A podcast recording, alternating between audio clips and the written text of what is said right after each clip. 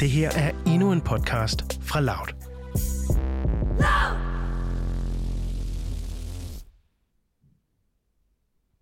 Far.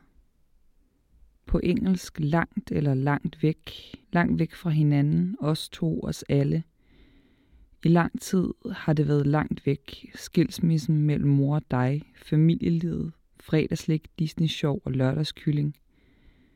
Risotto med sandede muslinger og frosne ærter og subuko. Nu er jeg vegetar. Det er kommet tættere på. Du er ikke en del af min hverdag og heller ikke størstedelen af de tanker, der fylder den eller mit væsen. Det er træls, at tanker om dig alligevel dukker op, hiver mig ned. Du er jo derude, hvad der virker som upåvirket og uforandret – jeg er fuld af tanker og sorg og svigt. Jeg siger til dig, at det ikke er okay med mig, at mor og dig ikke kan være i samme rum. Du siger, at du er kommet videre. Jeg siger, at det er akavet ved fødselsdage og tænk engang med bryllupper og barnedåb.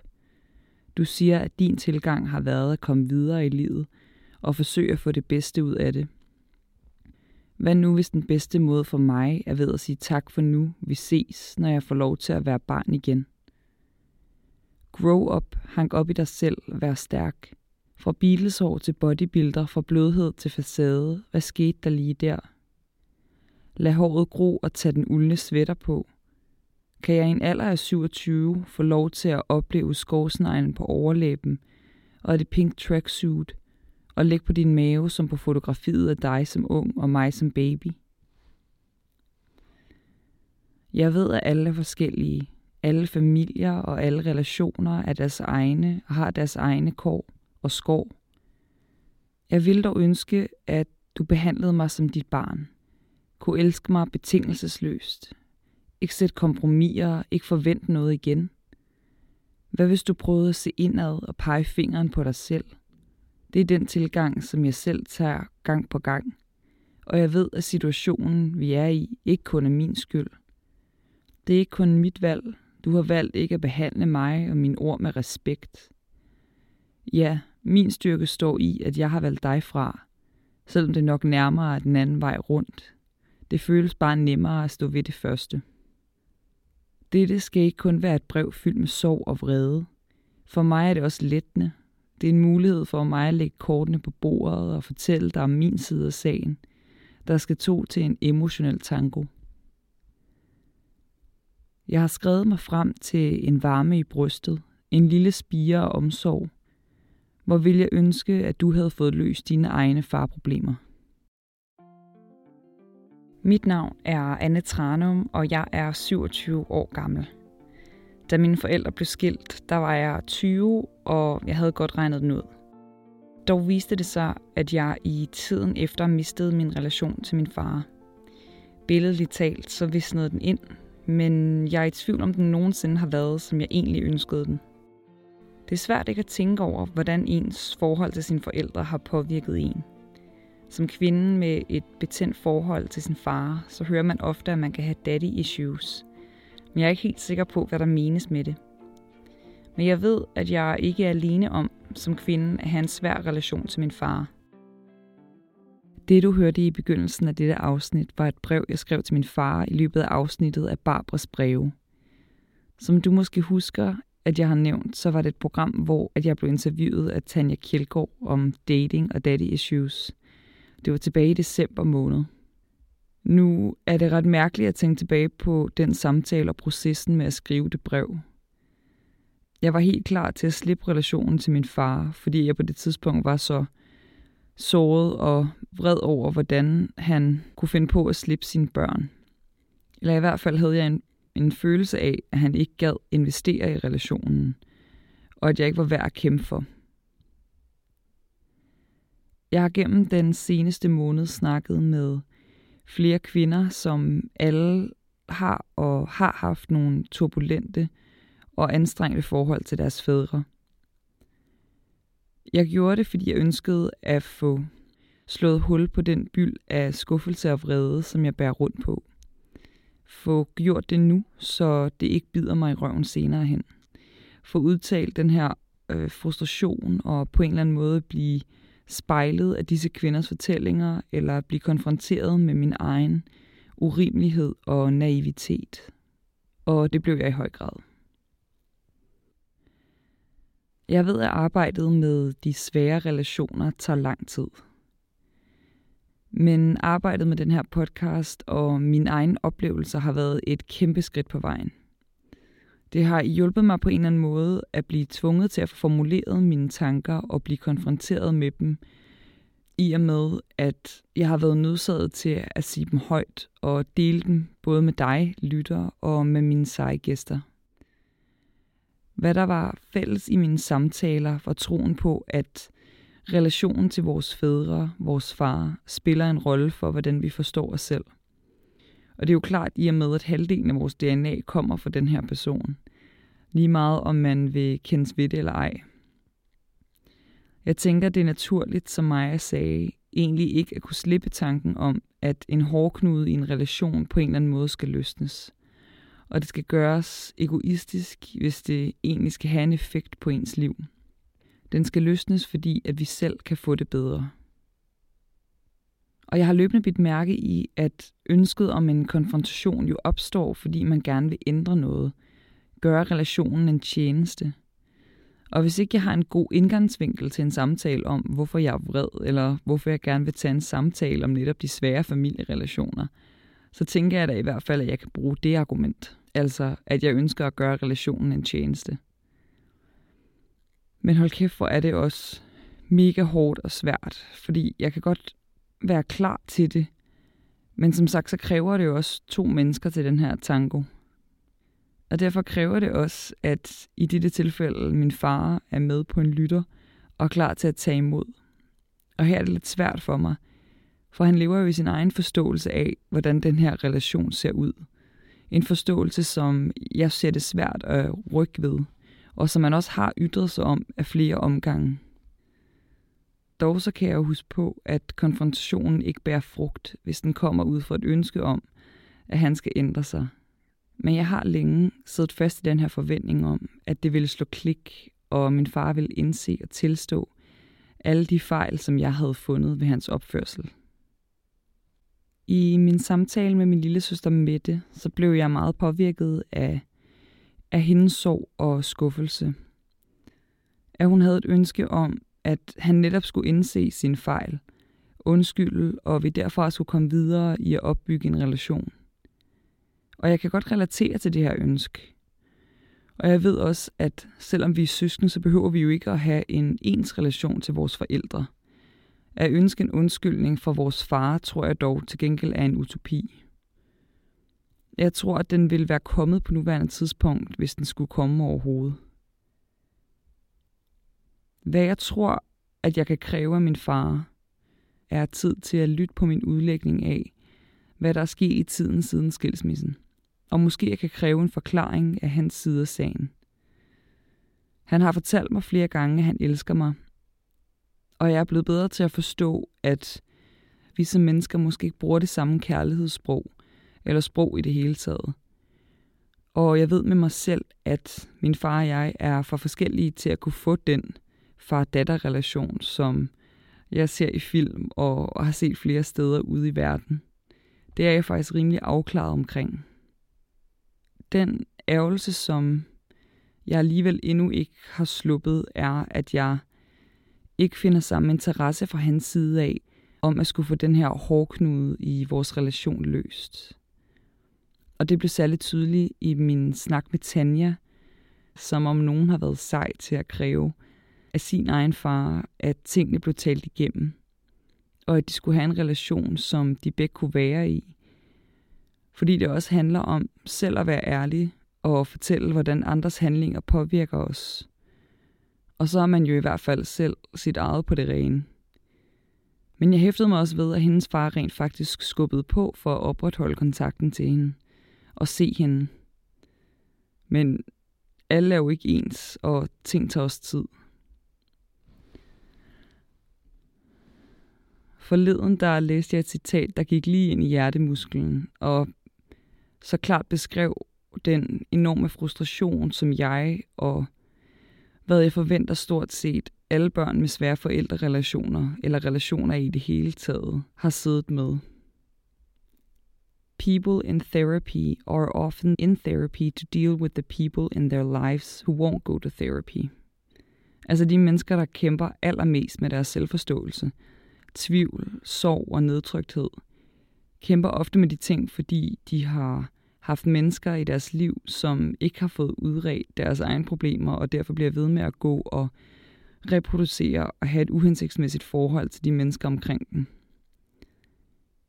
De gange, jeg har mødt Tanja, har hun udtalt sin frustration over at skulle give sin far og den her farrelation så meget energi.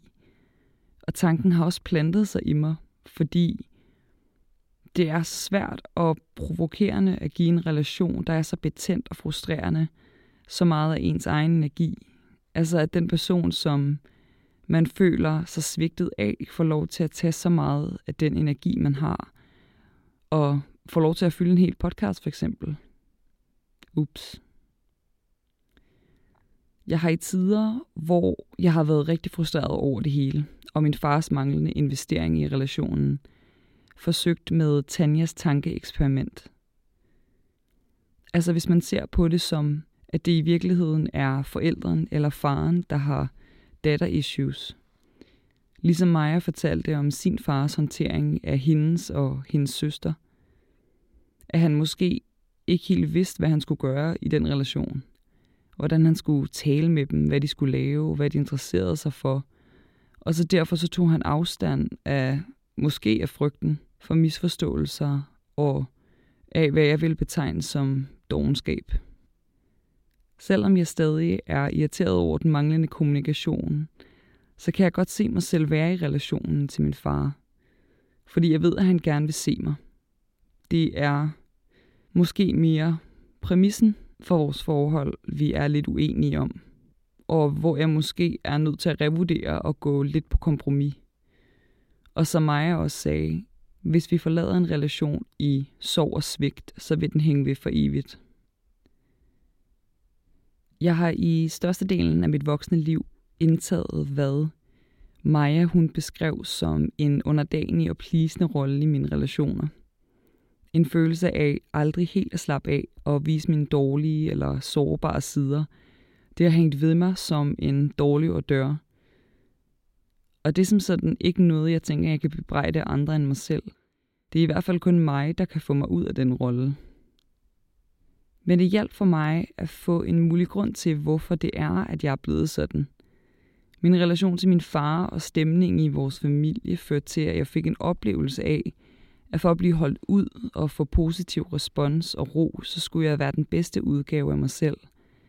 Om det var at rydde op, få gode karakterer, løbe en tur og spise mindre, ikke grine for højt, så blev jeg set som værende mere overskuelig og mere behagelig. Og det tror jeg, at alle former for vanskelige relationer i livet kan gøre ved en. Altså skabe en følelse af at være i tvivl om, hvem man egentlig er. Det ved jeg da i hvert fald, at jeg stadig kæmper med. Fordi at man igennem livet på en eller anden måde har indtaget en falsk rolle, en, en rolle, man fik positiv respons for, og som man derfor fik lyst til at indtage, bare for at gøre alting meget nemmere. Men som voksen er det netop kun mig selv, der kan tage ansvar for at bryde ud af den selvopfattelse. At jeg ikke kun er én type menneske, at jeg kan være en hel håndfuld eller et dusin typer på én gang, i en eller alle sammenhænge. Og det ord, der er gået allermest igen i alle mine samtaler, det er sårbarhed. At turde stille sig frem i sine relationer, at være modig og satse på at blive mødt og anerkendt i det, det tænker jeg i hvert fald er nøglen til at kunne stå frem som sig selv, og dermed også forhåbentlig blive accepteret af ens nærmeste, og dermed skabe nogle rigtig dybe og tætte relationer. Det var meget sårbart at skrive det brev tilbage i december. Det var uklart for mig på det tidspunkt, hvordan jeg gerne ville have det i relationen til min far. Jeg vidste bare, at jeg var irriteret og skuffet, og brevet blev bare lagt i min notesbog. Maja hun sagde, at en måde at bearbejde sine følelser og svigt kan være at formulere dem og få sagt dem højt. Jeg vil gerne skrive et nyt brev til min far. Jeg vil forsøge at dele mit synspunkt og forhåbentlig måske skrive mig frem til en forståelse af, hvorfor jeg har været og der stadig er så påvirket og synes, at min relation til ham føles besværet. Så here we go. Du har givet mig livet, og jeg er dig evigt taknemmelig. Det har længe føltes som om, at det ikke var op for den følelse og svigt, som jeg har gået rundt med, i hvad der virker som en evighed. Jeg har flere gange forsøgt at fortælle dig om, hvordan jeg ser situationen, og jeg føler ikke, at du har lyttet til mig. Jeg tror, at du vil sige til mig nu, at du forsøger at komme videre i tilværelsen, få det bedste ud af det. At du ikke ser det som dit ansvar at få det til at fungere. Men at jeg nu også er voksen, og også må tage et ansvar for vores relation. Og at jeg jo også kan invitere dig på kaffe eller i biografen. For du elsker alle dine børn og vil gerne se os. Måske du vil sige, at du ikke kan forstå, at jeg siger, at du har valgt mig fra. For som du ser det, er det mig, der har valgt dig fra. Ved ikke at ville snakke om tingene. Ved ikke at svare tilbage og ikke dukke op, når du inviterer til familiesammenkomster. Måske det er sådan, at du ser situationen mellem os lige nu. Og jeg vil kunne forstå det synspunkt.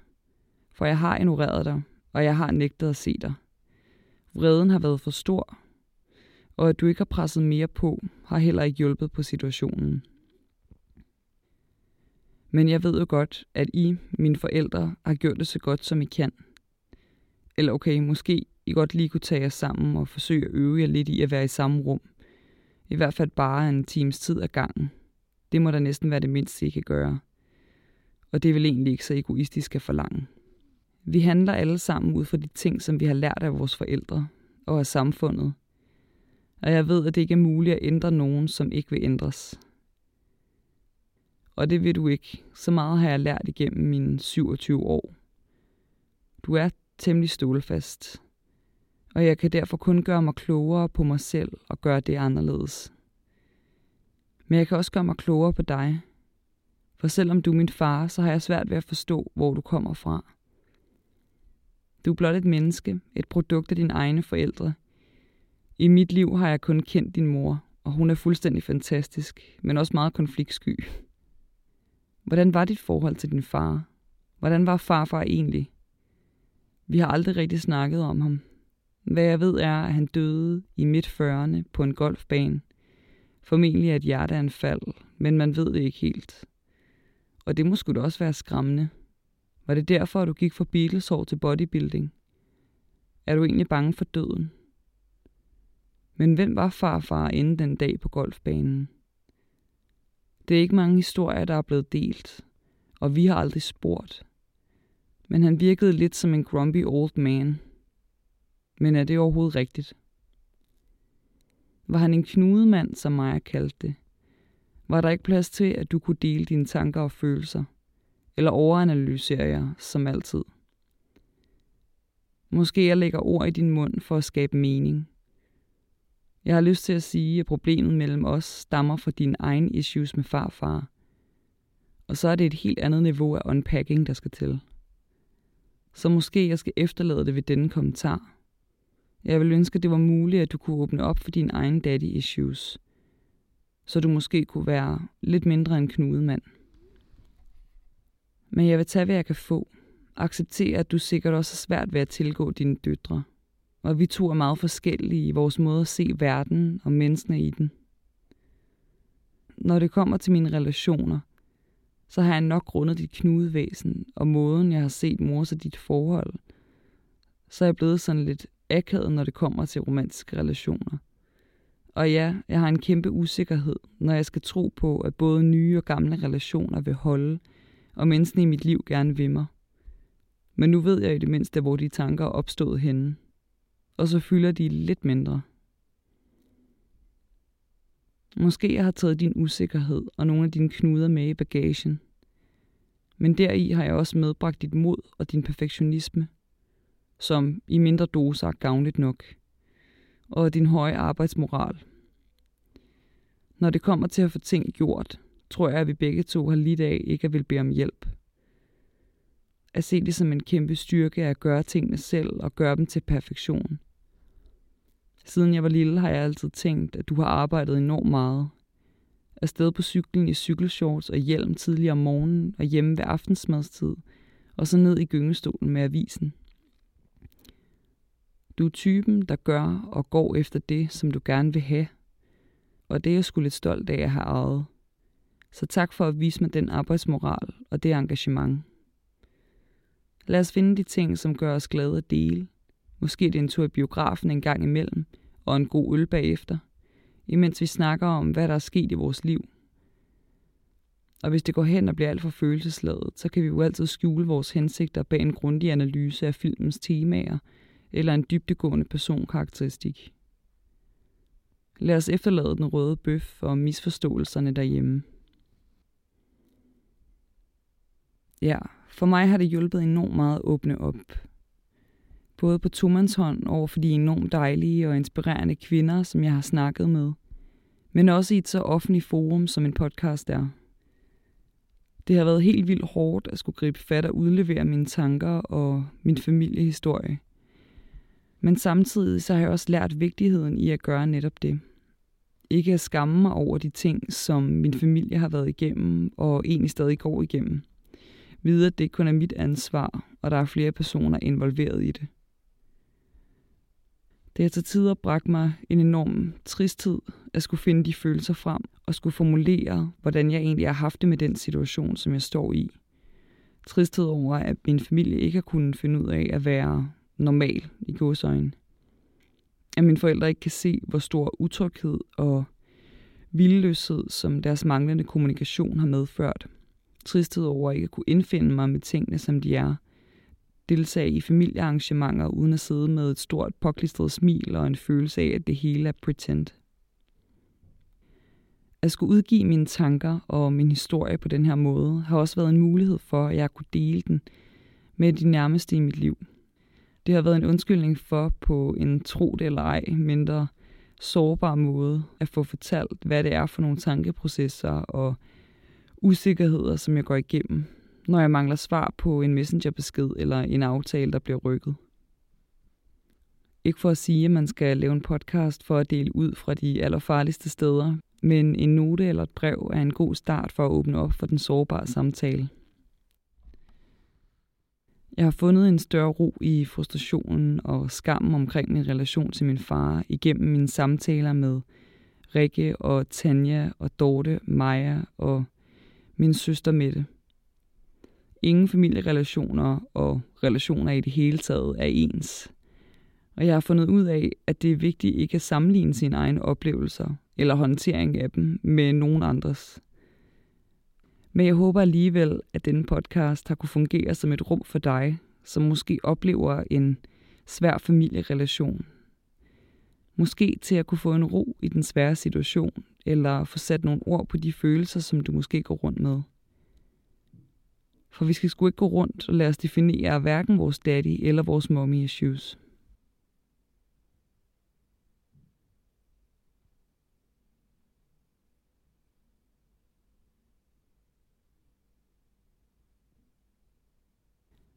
Og så vil jeg til slut sige, at hvis du mangler et sted at gå hen sådan i det virkelige liv, hvor du kan dele dine egne bekymringer eller søge trøst i andres historier om svære familierelationer, så vil jeg anbefale dig at søge ind og blive medlem af gruppen Kærlighedsherren, der har sit virke på Facebook.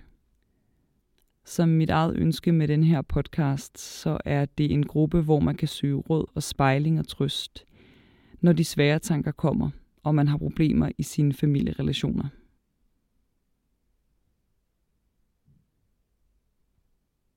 Gennem podcasten Daddy Issues, der har jeg brugt sangen These Days af Nico. Sangen er meningsfuld i den betydning, at Wes Anderson brugte den som temamelodi for datteren Margot Tenenbaum i filmen The Royal Tenenbaums. Filmen handler om en børneflok på tre, som alle oplevede stor succes i deres barndom og endnu større nedgang og skuffelse i deres voksenliv. Deres far vender tilbage til dem, efter at have været fraværende siden deres teenageår, og forsøger ihærdigt og akavet at samle alle sine børn, der lige siden har været ramt af tvivl og svigt. Fortællingen ender dog med, at patriarken, faren, opnår frelse hos sine børn igennem sin akavede forsøg på at gøre op for den tabte tid. Jeg drager overhovedet ingen paralleller til mit eget liv. Dette fiktive stykke kunst har bare givet mig en alternativ fremstilling af familielivet, som langt fra perfekt og kerneagtigt. Og så vil jeg til enhver tid løfte hatten for personer, som indser deres fejl og insisterer på, lige meget hvor tokrummende og akavet det bliver, at ændre sine handlemønstre.